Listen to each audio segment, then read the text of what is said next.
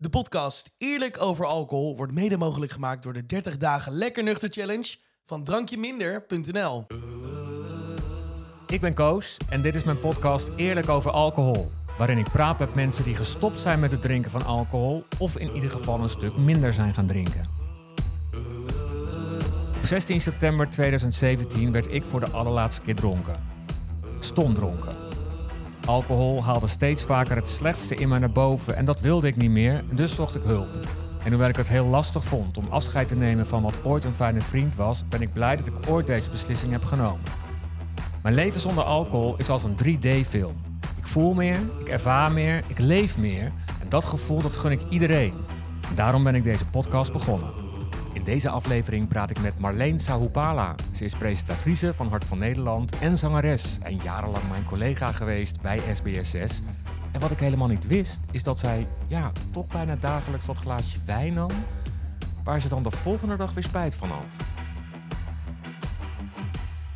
Marleen, ik zat hier uh, in de auto naartoe en ik weet dat je inmiddels een tijdje gestopt bent met het drinken van alcohol. En toen dacht ik van ja, had ze dan een alcoholprobleem?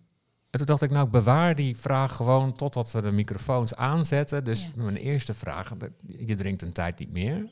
Had jij een alcoholprobleem? Nou ja, dat hangt denk ik ook een beetje af van de definitie van een alcoholprobleem. Uh, voor wie was het een probleem? Uiteindelijk voor mezelf was het een probleem. Uh, alhoewel ik geen problemen ondervind door het drinken van alcohol. Snap je het verschil? Dus uh, wat uh, bij mij eh, het problematische daaraan was, is dat ik s'morgens wakker werd en dacht: Jeetje, nou, vandaag even niet. Vandaag ga ik gewoon echt even niet drinken. Um, en maar tegen een uurtje of uh, vijf, zes, zeven, hoe laat het dan ook maar uitkwam, was ik die belofte aan mezelf alweer vergeten. En werd ik de volgende ochtend weer wakker met het idee: hè, verdorie, heb ik toch weer gedronken.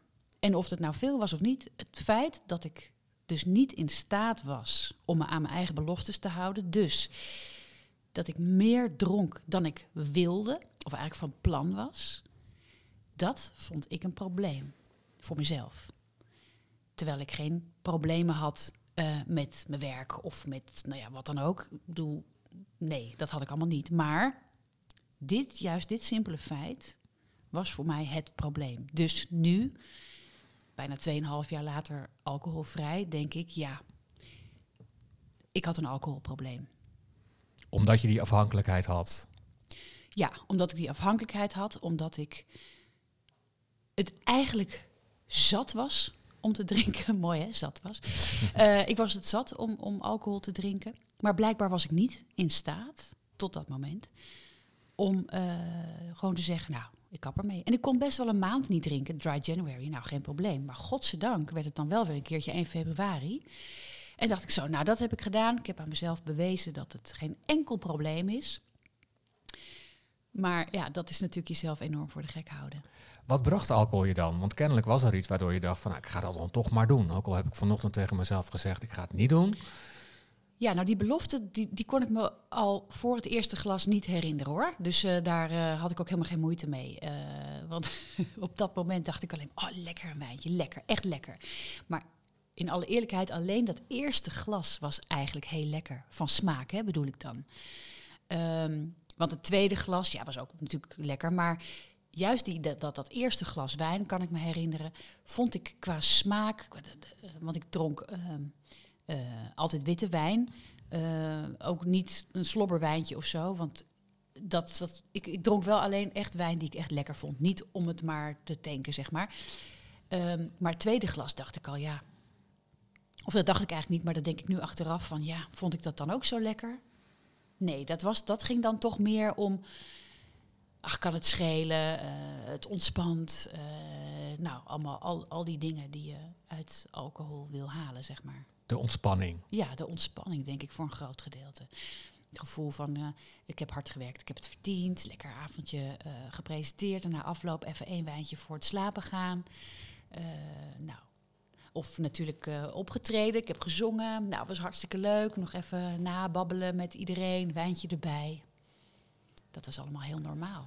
Wat mensen vaak aan mij vragen is, uh, want je begint nu even over je werk, hè, televisie, media, feestjes, hè, je, je, zingt ook, je treedt nog regelmatig op. Um, Komt het daarom vaker voor? Word je er vaker mee geconfronteerd? Nee, want bij mij, eh, althans bij mij was het zo dat ik alleen maar. eh, ik kon wel eens een wijntje drinken op een feestje of op een borreltje van werk of wat dan ook. Maar daar dronk ik nooit eigenlijk meer dan één. Omdat ik altijd moest rijden. Dus daar ben ik sowieso heel eh, streng op geweest altijd. Dus ik vond het veel fijner om juist thuis te zijn als ik eh, dronk. Ten eerste omdat ik dan zeker wist dat ik een lekkere wijn had. Dat vond ik belangrijk. En ten tweede omdat ik dan ook niet meer hoefde te rijden. Dus dan kon ik gewoon twee, drie, vier glazen nemen... zonder dat ik me daar nog zorgen over hoefde te Ah, maken. ja. En je zegt twee, drie, vier glazen. Dat was dan dagelijks? Of?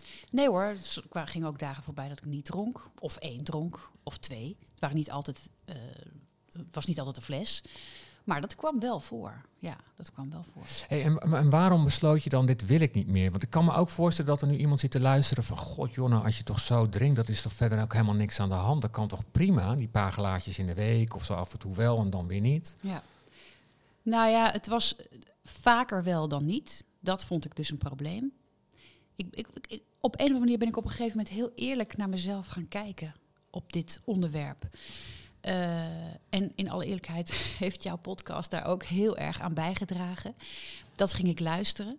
Volgens mij was dat nog in coronatijd dat ik heel veel wandelde.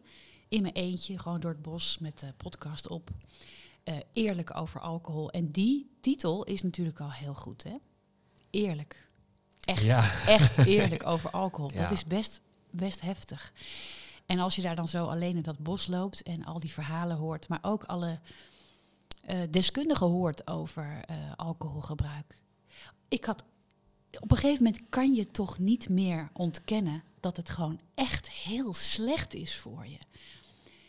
En hoe kun je dan nog vergoeilijken? Hoe kun je dan nog verantwoorden voor jezelf dat je het toch met het grootste gemak te vaak doet? Hè? Want dat was Ja. in mijn geval. Dus eh, en samen, en eh, ja, het boek van, van Evie Hansen, Sinds ik niet meer drink, eh, heeft me ook heel veel gebracht. Dus dat is een, een, proces geweest waarvan ik echt heb gedacht, ik, ik wil dit niet meer. Ik wil niet meer het gevoel hebben dat ik niet kan kiezen om hiermee te stoppen. Iets wat zo slecht is voor mij. En toen dacht je, ik stop gewoon. Had je een datum uitgekozen? Hoe is dat gegaan? Ehm, in diezelfde maand eh, had ik eh, hypnose ontdekt. Ben ik gestopt met snoepen. Want het is ook zo'n zo'n zo'n dingetje, suikerverslaving. eh, door middel van het luisteren naar een audiobestand. En dat, ik had helemaal geen enkel idee wat hypnose inhield. Nee. Maar het was een vrouw, een hypnotherapeut, en die verkocht audiobestanden. En die zei, als je dit 30 dagen luistert, iedere dag 20 minuten... eh, dan zul je merken dat je eh, veel minder trek krijgt in snoep. En dat uiteindelijk heel makkelijk kunt laten staan. Nou, dat klonk als muziek in mijn oren. Ja. Dat heb ik gedaan. En halverwege die maand dacht ik, wat gebeurt er nou als ik in die hypnose, tijdens die hypnose, daar ook nou eens alcohol aan toevoeg in mijn gedachten? Kan ik dat dan ook heel makkelijk laten staan? En dat gebeurde allemaal in, het, in hetzelfde proces met jouw podcast, eh, met het luisterboek. En dat gevoel dat ik er echt mee wilde kappen, omdat ik het gewoon echt zat was. En op een gegeven moment, ik, heb, ik weet zelfs nog dat ik met Danny, dus mijn man, eh, heb gezegd van ik, ik ben van plan om helemaal te gaan stoppen. Wat vind jij daarvan? Niet dat ik zo'n toestemming nodig had, maar ik wilde het op een of andere manier wel bespreken of zo. Want ja, het is toch, het was ook voor ons een ding wat we samen doen, weet Ja. je wel? Eh, samen een wijntje drinken, ach, en nou ja. Ehm, hij zei ja, nee, tuurlijk, doe. Eh, en op een gegeven moment heb ik het gewoon gedaan. Ik heb ook nooit gezegd ik drink nooit meer, maar ik heb gewoon gezegd ik stop. En was dat moeilijk? Hoe ging dat? Want eh, Totaal niet moeilijk. Oh. Totaal niet moeilijk. Nou, ik denk dat dit voor, voor, voor een luisteraar wel zoiets kan zijn van... hé, hoe kan dat dan? Ja. Want ik wil dat ook, maar ik heb het wel eens geprobeerd... en ik vind het dan wel moeilijk om op die momenten aan het eind van de dag... ik heb het druk gehad, even die ontspanning. Had jij dan niet van... Ik- ik- nu Nou. is dat glas daar en... Eh, ik denk dat ik al zo klaar was voor het moment om te stoppen. Dat de hypnose mij heeft geholpen. Dat het hele proces met het luisteren naar je podcast, naar anderen, eh, lezen daarover. eh, dat dat allemaal samen op het juiste moment is gekomen. Met, het, met, met, met echt mijn wil om hier een, een einde aan te maken, voor eens en voor altijd. Eh, tuurlijk heb ik wel eens gehad dat ik dacht, jeetje, nou, ik ging daar namelijk, vlak daarna ging ik naar Antwerpen in mijn eentje, in de stad in. En ik was daar eh, in een restaurant en ik dacht, jeetje, normaal gesproken zou ik nu gewoon. En er is ook niemand die mij tegenhoudt. Nee. Zal ik het doen? Nee, nee, ik heb er eigenlijk helemaal geen behoefte aan. En vanaf dat moment werd het iedere dag, werden die momenten ook minder. Dat je er dan aan denkt. Van normaal gesproken zou ik, op een gegeven moment is het gewoon geen issue meer. En de rust die ik daarmee eh, aan mezelf heb geschonken, zal ik maar zeggen. Nou, die is, die is ja, heerlijk om mee te maken. Ja, dat je niet meer die onderhandeling hebt. Geen strijd, geen, geen stem in mijn hoofd. Zal je wel, zal je niet. Nee, het is gewoon, het is klaar. Het is helemaal oké. Nou, dan ben jij wel. eh, ik ken veel mensen die dat lastiger vinden, die daar echt veel meer moeite mee hebben. Ehm, je vertelt al over die hypnose. Ja. En daar heb jij je veel in verdiept hè, de laatste jaren. Ja. Durf jij of kun jij zeggen dat jij door die hypnose dan nu geen alcohol meer drinkt en niet meer snoept? Ik durf te zeggen dat ik door hypnose veel makkelijker kan stoppen met snoepen en drinken. Ik, ik durf te zeggen dat me dat veel makkelijker afgaat eh, door hypnose. Dat durf ik te stellen. En wat doet dan die hypnose? Want ik zal je eerlijk zeggen, eh, je hebt me er al wat vaker over verteld. Hè. Ik ben hier ook een keer geweest. En, en ik had daar toch een wat, wat spannend of ook eng gevoel bij. Ik moet meteen denken aan Rasti Rostelli. Ja. Voor een groep staan, in je naki, eh, een citroen eten. En, en dus Ja. ik kan me voorstellen dat het ook wat weerstand opzoekt. Zeker. En dat, dat, ik, ik heb het nu ook een beetje tot mijn missie gemaakt om die weerstand eh, weg te nemen bij mensen. Omdat eh, hypnose die ingezet wordt als entertainment, zoals een heleboel mensen het natuurlijk kennen, van onder andere Rasti Rostelli, is natuurlijk super vermakelijk. Eh, maar heeft weinig te maken met hypnose die gedaan wordt in therapievorm. En eh, medische hypnose bijvoorbeeld wordt al in ziekenhuizen toegepast eh, voor pijnbestrijding, voor prikkelbaar darmsyndroom bijvoorbeeld heel veel. Echt waar? In de reguliere In de gezondheidszorg? reguliere gezondheidszorg, ja. Er zijn een aantal ziekenhuizen die dat dus echt doen. Met name ook bij kinderen werkt dat heel goed. Eh, en ik had me er ooit nooit in verdiept, maar juist na die ene maand, september 2021, ehm, heb ik me er zeker in verdiept. En ik ben allerlei opleidingen gaan doen. En eh, toen merkte ik dat er heel veel hypnotherapeuten bestaan. Daar struikel je echt over als je erop gaat zoeken. En dat zijn allemaal therapeuten die hypnose inzetten om eh, problemen te verhelpen. Dus bijvoorbeeld eh, stoppen met snoepen, stoppen met roken, stoppen met drinken, maar ook trauma's verwerken enzovoort enzovoort. Nou, dat, die, die trauma's verwerken, dat doe ik niet. Ik ben wel nu officieel hypnotherapeut, maar ik wil me echt richten op dingen waar ik zelf, eh, waar ik mezelf goed iets bij kan voorstellen. En dat is natuurlijk dat afvallen, eh, stoppen met suiker, snoepen, eh, stoppen met drinken, stoppen met roken. Dat zijn gebieden waar ik nu, 2,5 jaar later, wel van heb gemerkt dat ik, eh, dat ik daar andere mensen mee kan helpen. Ja, en wat, wat, heeft het dan bij jou zelf teweeggebracht? Hè? Laat het even focussen Ja. op, op het alcohol, stoppen met alcohol. Ehm, die zin in alcohol verdwijnt dan? Of wat gebeurt er dan? Ja, ik heb heel veel vragen, zoals je, Ja. zoals je Nou, merkt. de, de weerstand om te drinken was er al, hè, bij ja, mij. Ja, je Dus had- ja. ik had al besloten dat ik het echt heel graag wilde. Dus je was al bewust van wat je aan het doen was, Juist. wat het je kostte. Juist. Ja. Dat inzicht had ik al. Alleen was ik nog niet in staat om die laatste stap te maken, namelijk het gewoon niet doen. Het klinkt zo simpel. Je Ja. hoeft namelijk alleen maar iets niet te doen. Maar ja, dat kan juist zo moeilijk zijn. Hè? Dus wat, wat, wat mij eh, in hypnose eh, is gelukt, is om dat oude patroon te doorbreken. En dat te vervangen door een nieuw patroon. Namelijk gewoon het niet doen. het klinkt heel simpel, maar zo is het echt. Als je in hypnose bent, als je in een trance staat bent, dan staat je onderbewuste brein open voor nieuwe suggesties. Als je eh, dus in hypnose echt afscheid kunt nemen, echt afscheid kunt nemen van je drank, van je wijn, of wat, wat je drank dan ook is, dat zie, zie je gewoon letterlijk voor je. En letterlijk zie je gewoon dat je daar afscheid van neemt. Dus je gooit het daadwerkelijk weg. Je laat het gaan, je laat het los. Het hoort niet meer bij je. Je wil het niet meer, je doet het niet meer. Dat visualiseer je Dat echt. visualiseer je in die trance staat. En je krijgt alleen maar positieve suggesties. Jij wil dit niet meer. Je hoeft het niet meer. En je doet het niet meer, omdat jij het niet meer wil. En keer op keer op keer hoort jouw onderbewuste dat. Wordt alleen maar bevestigd dat wat er eigenlijk al in je zit, dat je het niet meer wil, wat bij mij al heel erg aanwezig was. En daardoor werd het super makkelijk omdat ik al zag en voelde wat het me ging brengen. En dat afscheid, dat was echt een moment in die hypnose, weg ermee en het was klaar. En nooit meer de zin gehad. Of, Nooit meer. nee. Ik kan me voorstellen dat, dat, dat mensen luisteren en denken... Van, is dat dan een kwestie van achterover gaan leunen... en dan komt het allemaal op je af? Of moet je er ook iets voor doen? Want ik weet, eh, ook voor mezelf... Het, stoppen met drinken, iets wat me heel veel heeft opgeleverd... en wat jarenlang een hele goede vriend van me was...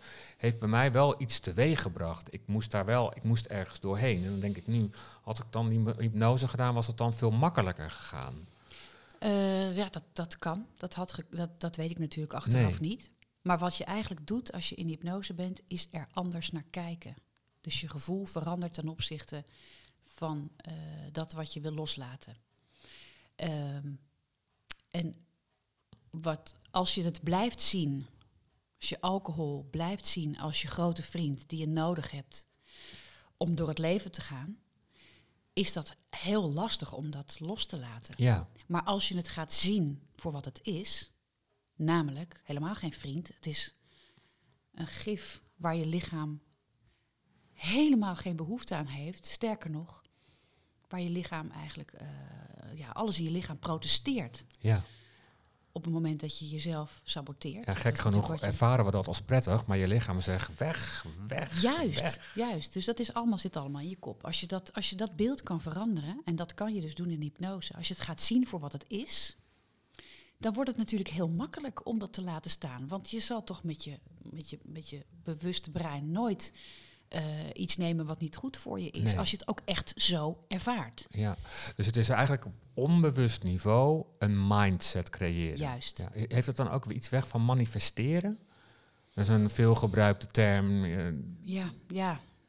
Eh, dat, dat durf ik niet te zeggen. Dat durf ik niet te zeggen. Ik, ik, ik, wil het voor mezelf heel graag heel praktisch houden. Ook het hele hypnose hoofdstuk. Omdat ik gewoon weet dat het in praktische zin zo werkt. En ik geloof ook wel dat manifesteren werkt, zeker hoor.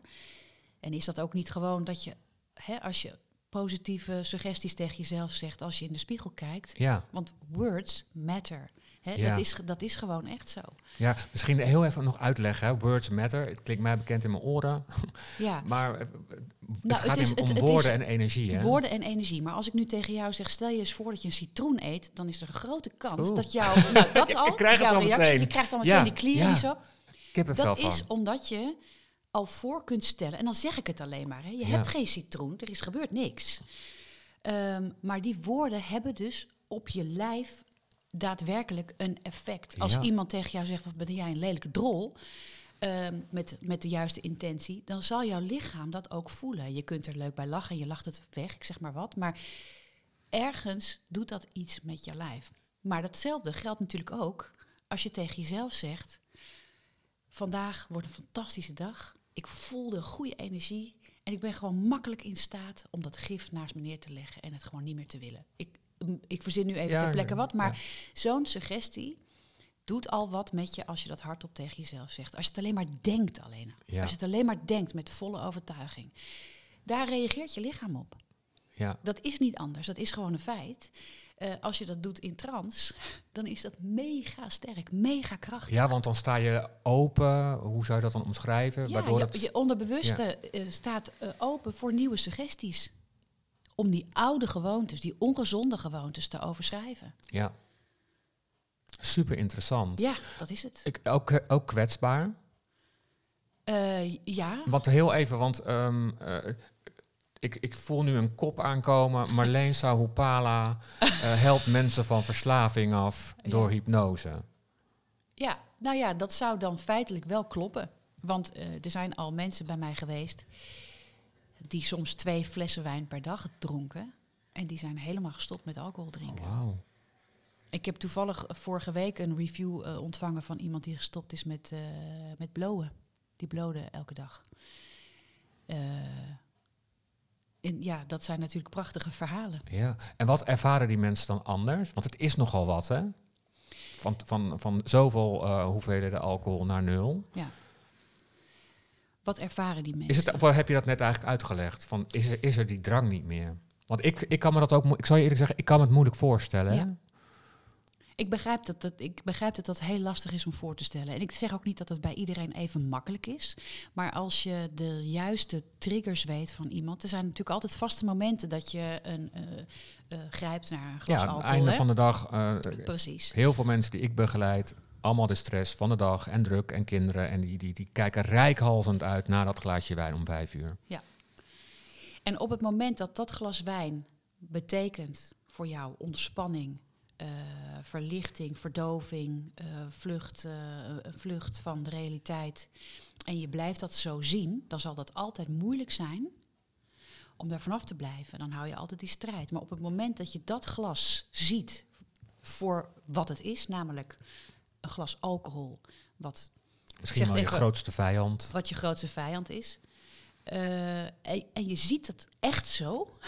Snap ik bedoel? Het Ja. is niet alleen maar dat je bedenkt dat het zo is, maar dat je, je, je ervaart letterlijk dat je een glas wijn ziet en dat je denkt, ja, maar dit is niet goed voor mij, dit wil ik helemaal niet.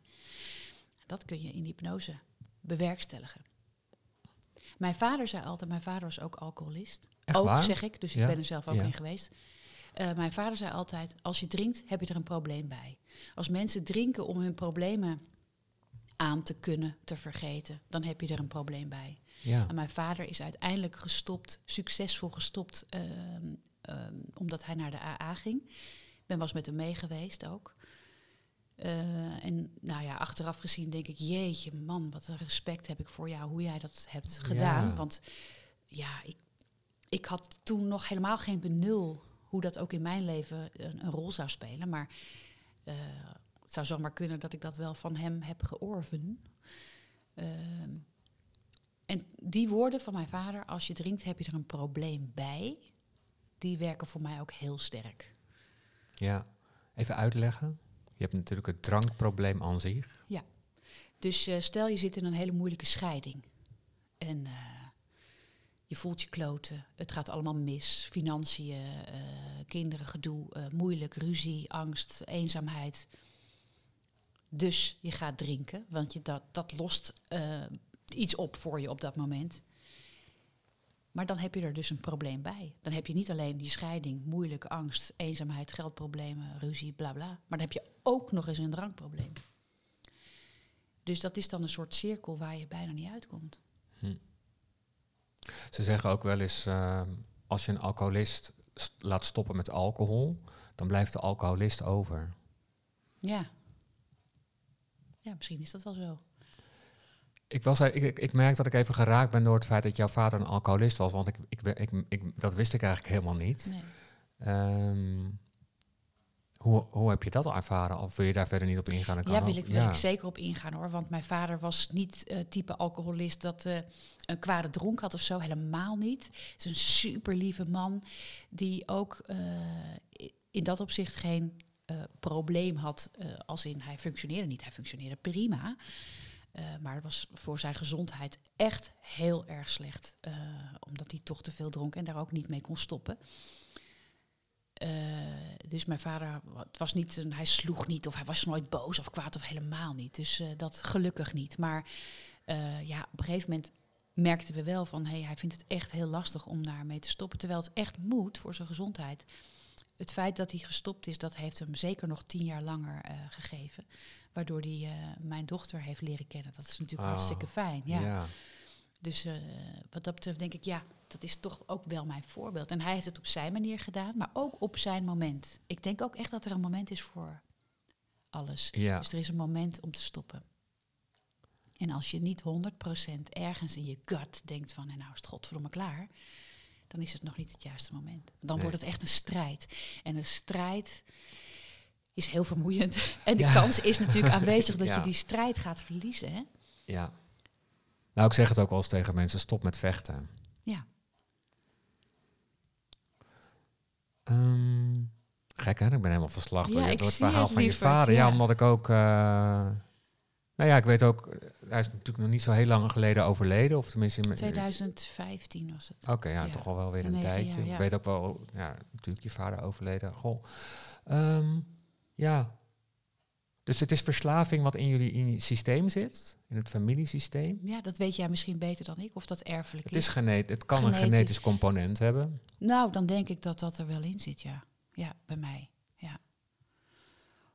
En aan de andere kant denk ik, als het zo makkelijk is, achteraf gezien hè, voor mij, als het zo makkelijk is om ermee op te houden. Maar ja, op het juiste moment. Ja. Again. Nou ja, je hebt wel de impact gevoeld van je, van je gebruik of van, je- van het feit dat je dus, dus dronk. Ja.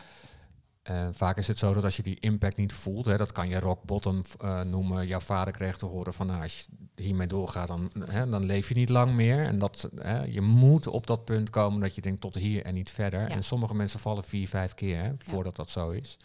Ehm, wat heeft het je opgeleverd sinds je niet meer drinkt?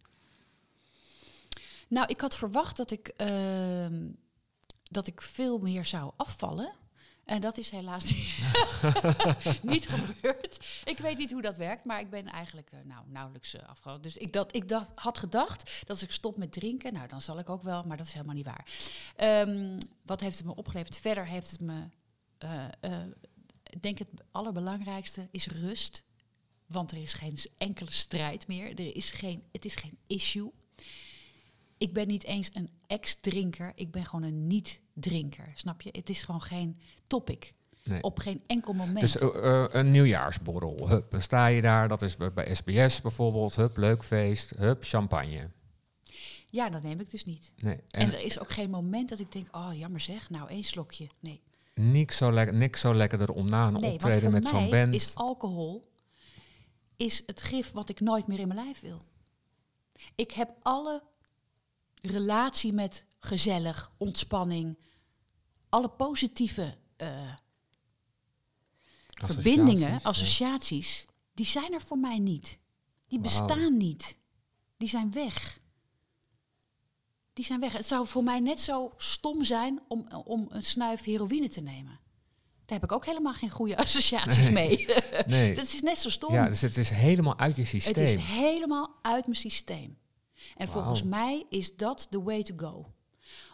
Want anders kost het je steeds moeite. En op het moment dat je het idee hebt dat je iets moet volhouden, ja. dat impliceert eigenlijk al dat er een hele grote kans is dat er een moment komt dat je het niet meer volhoudt. Want dat volhouden, Ja. dat kost me toch een partij energie. ja, dat is wat ik bedoel te zeggen met stop fighting. Ja. Je hoeft er niet mee te vechten, tegen te vechten. Want dan, dan hou je dus die strijd in stand. Ja, mooi Marleen. En ehm, nou ja, dan nog even, want hè, niks zo lekkerder is om na een optreden met je band. Het hoort er eigenlijk gewoon bij dat die tap dan open gaat. Nou, voor mij dus niet. Nee. Nee. Het Hoe- hoort er ook hoe niet meer bij. En mensen in je omgeving eh, vragen als, hè, drink je nou nog steeds niet? Of, of neem toch eens een, ik kan toch wel eentje? Eh, ja, dat had ik vooral in het begin. Mensen weten nu wel van, oh ja, ze drinkt gewoon niet meer. Eh, en het grappige is dat ik weet, de reacties die ik nu krijg, die reacties heb ik ook gegeven op mensen die zijn gestopt. Vertel. Nou, eh, ja, nou wat je zegt. Ja, ook, ook, ook niet eentje, gewoon. Drink je echt helemaal niet. Oh, hoezo dan? Dat je moet gaan uit te verantwoorden bijna, weet je wel. Maar ik weet ook wel dat ik toen wel eens gedacht heb, oh, ja, die drinkt dus helemaal niet meer. Jeetje, nou. Eh, daarmee ook meteen het besef van, jeetje, zou ik dat ook kunnen? Ik denk, denk het eigenlijk niet. Oké, weg met die gedachten. En we nemen er nog één, joe. Ja. Ik, ik heb net zo appelig staan kijken als reacties die ik nu krijg. Is, is jouw sociale, sociale kring daardoor ook veranderd? Eh, nee, nee. Nee, maar dan moet ik eerlijkheidshalve zeggen dat mijn sociale kring niet zo heel veel voorstelt. Mijn sociale leven eh, is, is echt wel, eh, zeg maar, de, de, de muzikanten met wie ik optreed. Ja, dat zijn eigenlijk dat is familie Dat van is jou, hè? dus je hebt al eh, zo lang dezelfde mensen ook om ja, je heen. Ja. Precies. En, en de hele theatertour met Buddy bijvoorbeeld, met Buddy verder. Maar Buddy drinkt ook niet, weet je wel. Die drinkt misschien eens een keer een biertje, maar dat heb ik ook eigenlijk nog nooit echt gezien. Dus Het, het is geen topic. En we, we hoeven echt, we hebben niks van dat al nodig om het oprecht heel tof te hebben. Leuk. Dus het is, eh, ja, Wat fijn om te horen, want ik weet namelijk dat heel veel mensen denken dat ze het wel nodig hebben om gezellig te kunnen zijn. En nou ja, als er iets zelfexpressie eh, vraagt, of, of, of- dan, dan doe je dat op een podium. Ja. En dat vrij kunnen doen, ja, heerlijk. En dat ook niet hoeven af te toppen, hè? want eh, veel artiesten, we kennen ze allemaal, we hoeven de namen niet te noemen, toch na afloop die adrenaline niet aankunnen van een grote show. En dat moet dan worden afgetopt met, eh, met alcohol. Dan denk ik, oh, jammer nou, als je Ja. dat gewoon, als je daarmee kan zijn, wat Ja. jij dus kan. ja. Nou ja, het voelt niet eens als een opgave. Het is gewoon, het is compleet, eh, ja. Ik weet niet hoe ik dit onder woorden moet brengen, maar ja, het is, gewoon, weg. Het is er het niet is- meer. ja. Ja. Ehm, nog een onderwerp, want dat is wel leuk. Er zitten heel veel eh, laadjes in jou wat betreft alcohol. Ja. Je, je eigen stoppen, nou de hypnose. Je, je vader kwam ineens, dat wist ik helemaal niet. Maar je hebt ook een opgroeiende dochter. Ja. Die nu hoe oud is? 14. Ja, dus die komt nu in de fase dat ze misschien ook wel denkt... mama, mag ik? Of hoe... hoe, hoe- Ja, dat, dat is een heel moeilijk verhaal, denk ik. Want ik drink natuurlijk helemaal niet meer, dat ziet zij ook. Eh, ik ga ook zover dat ik niemand meer een fles alcohol cadeau geef. Want ik wil niet bijdragen aan het vergiftigen van een lijf. vergiftigen van een lijf. Zeg het ook maar niet- gewoon even Nou, dat, maar ja. ook aan het normaliseren van alcohol. Ja, Eh, want dat is denk ik de grootste boosdoener nu. Eh, ook voor mijn dochter. Eh, zij ziet natuurlijk in films en series eh, dat eh, jongeren lekker aan het feesten zijn. Daar wordt altijd alcohol bij gedronken. Daar wordt altijd te veel alcohol. Shotjes, oh gezellig, huppatee. Nou, een hele rits achter elkaar. Eh, voor haar is dat beeld... Ja, ik weet niet precies hoe ze daarin staat hoor. Maar wij hebben haar natuurlijk gezegd dat zij geen alcohol mag drinken. Sowieso niet tot, nou ja, tot, tot haar achttiende omdat dat niet goed is voor haar hersenen. Maar ja, ze is een puber, eh she don't care. Weet je wel, zij leeft Ja. in het nu. En eh, later zien we wel wat het met mijn hersenen Ja. doet. ja. Dus eh, voor zover ik weet heeft zij niet gedronken hoor. Ehm, maar ook op, als zij nu naar een feestje toe gaat, dan eh app ik de ouders. En dan vraag ik, is er alcohol? En is er toezicht op wie wat drinkt? Oh, dat vraag je echt wel. dat vraag ik. En hoe vinden mensen dat dan? Ja, dat, vinden vraagt? ze soms moeilijk, want dat is natuurlijk wel een, een spiegel. Maar ja, volgens mij is het zelfs zo dat als je een minderjarig kind alcohol laat drinken, dat dat zelfs strafbaar is. In ieder geval in de openbare ruimte.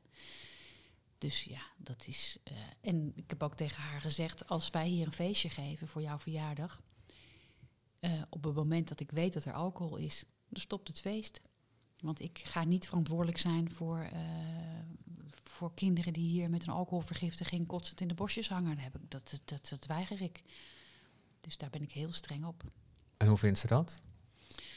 Eh, ja, ze, ze heeft natuurlijk geen keus maar dat te, accepteren. Maar ik geloof niet dat ze het heel cool vindt. Maar ja, aan de ene kant begrijpt ze het. Aan de andere kant denk ik dat ze er wel nieuwsgierig naar is. En dat begrijp ik ook.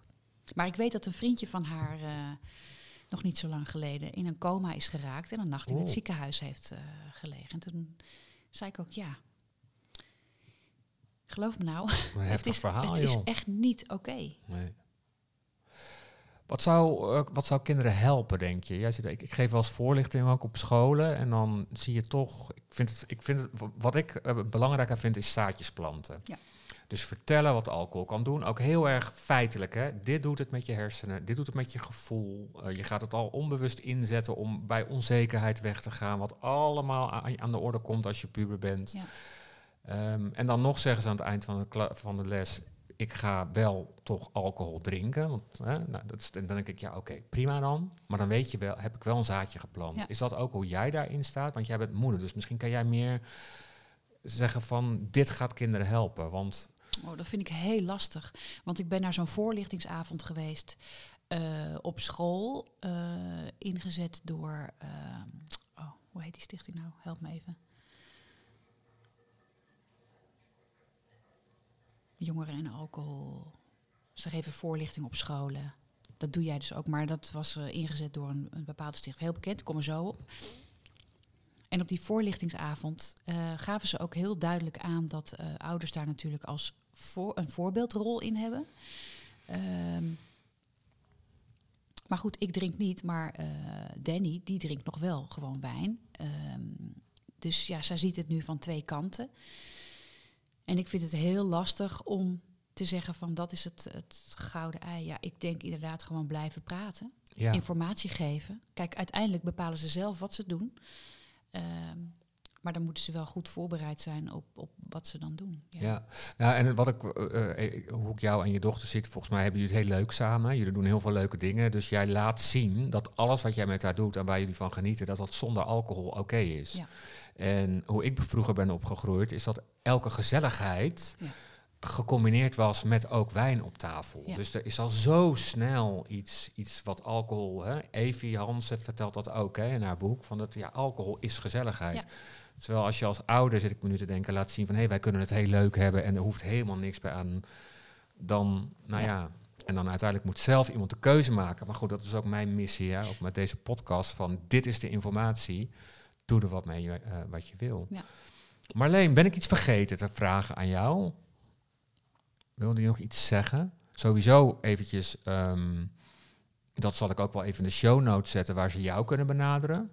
Mochten ze geïnteresseerd zijn in een sessie of Ja. daar meer over willen weten. Tuurlijk. Heb jij een website die je nu al kunt noemen? Gezondmethypnose.nl. Gezondmethypnose.nl, dat is ook jouw Instagram-account. Ja, klopt. Waar je steeds meer laat horen ook over wat je aan ik het doen was er bent. eerst een beetje voorzichtig mee, want ik dacht, nou ja, mensen vinden er natuurlijk wat van. Want hypnose, nou ja, wat je zelf ook al zei, hè, dat wordt vaak gezien nog van, oeh, wat, wat doet ze allemaal? Ja.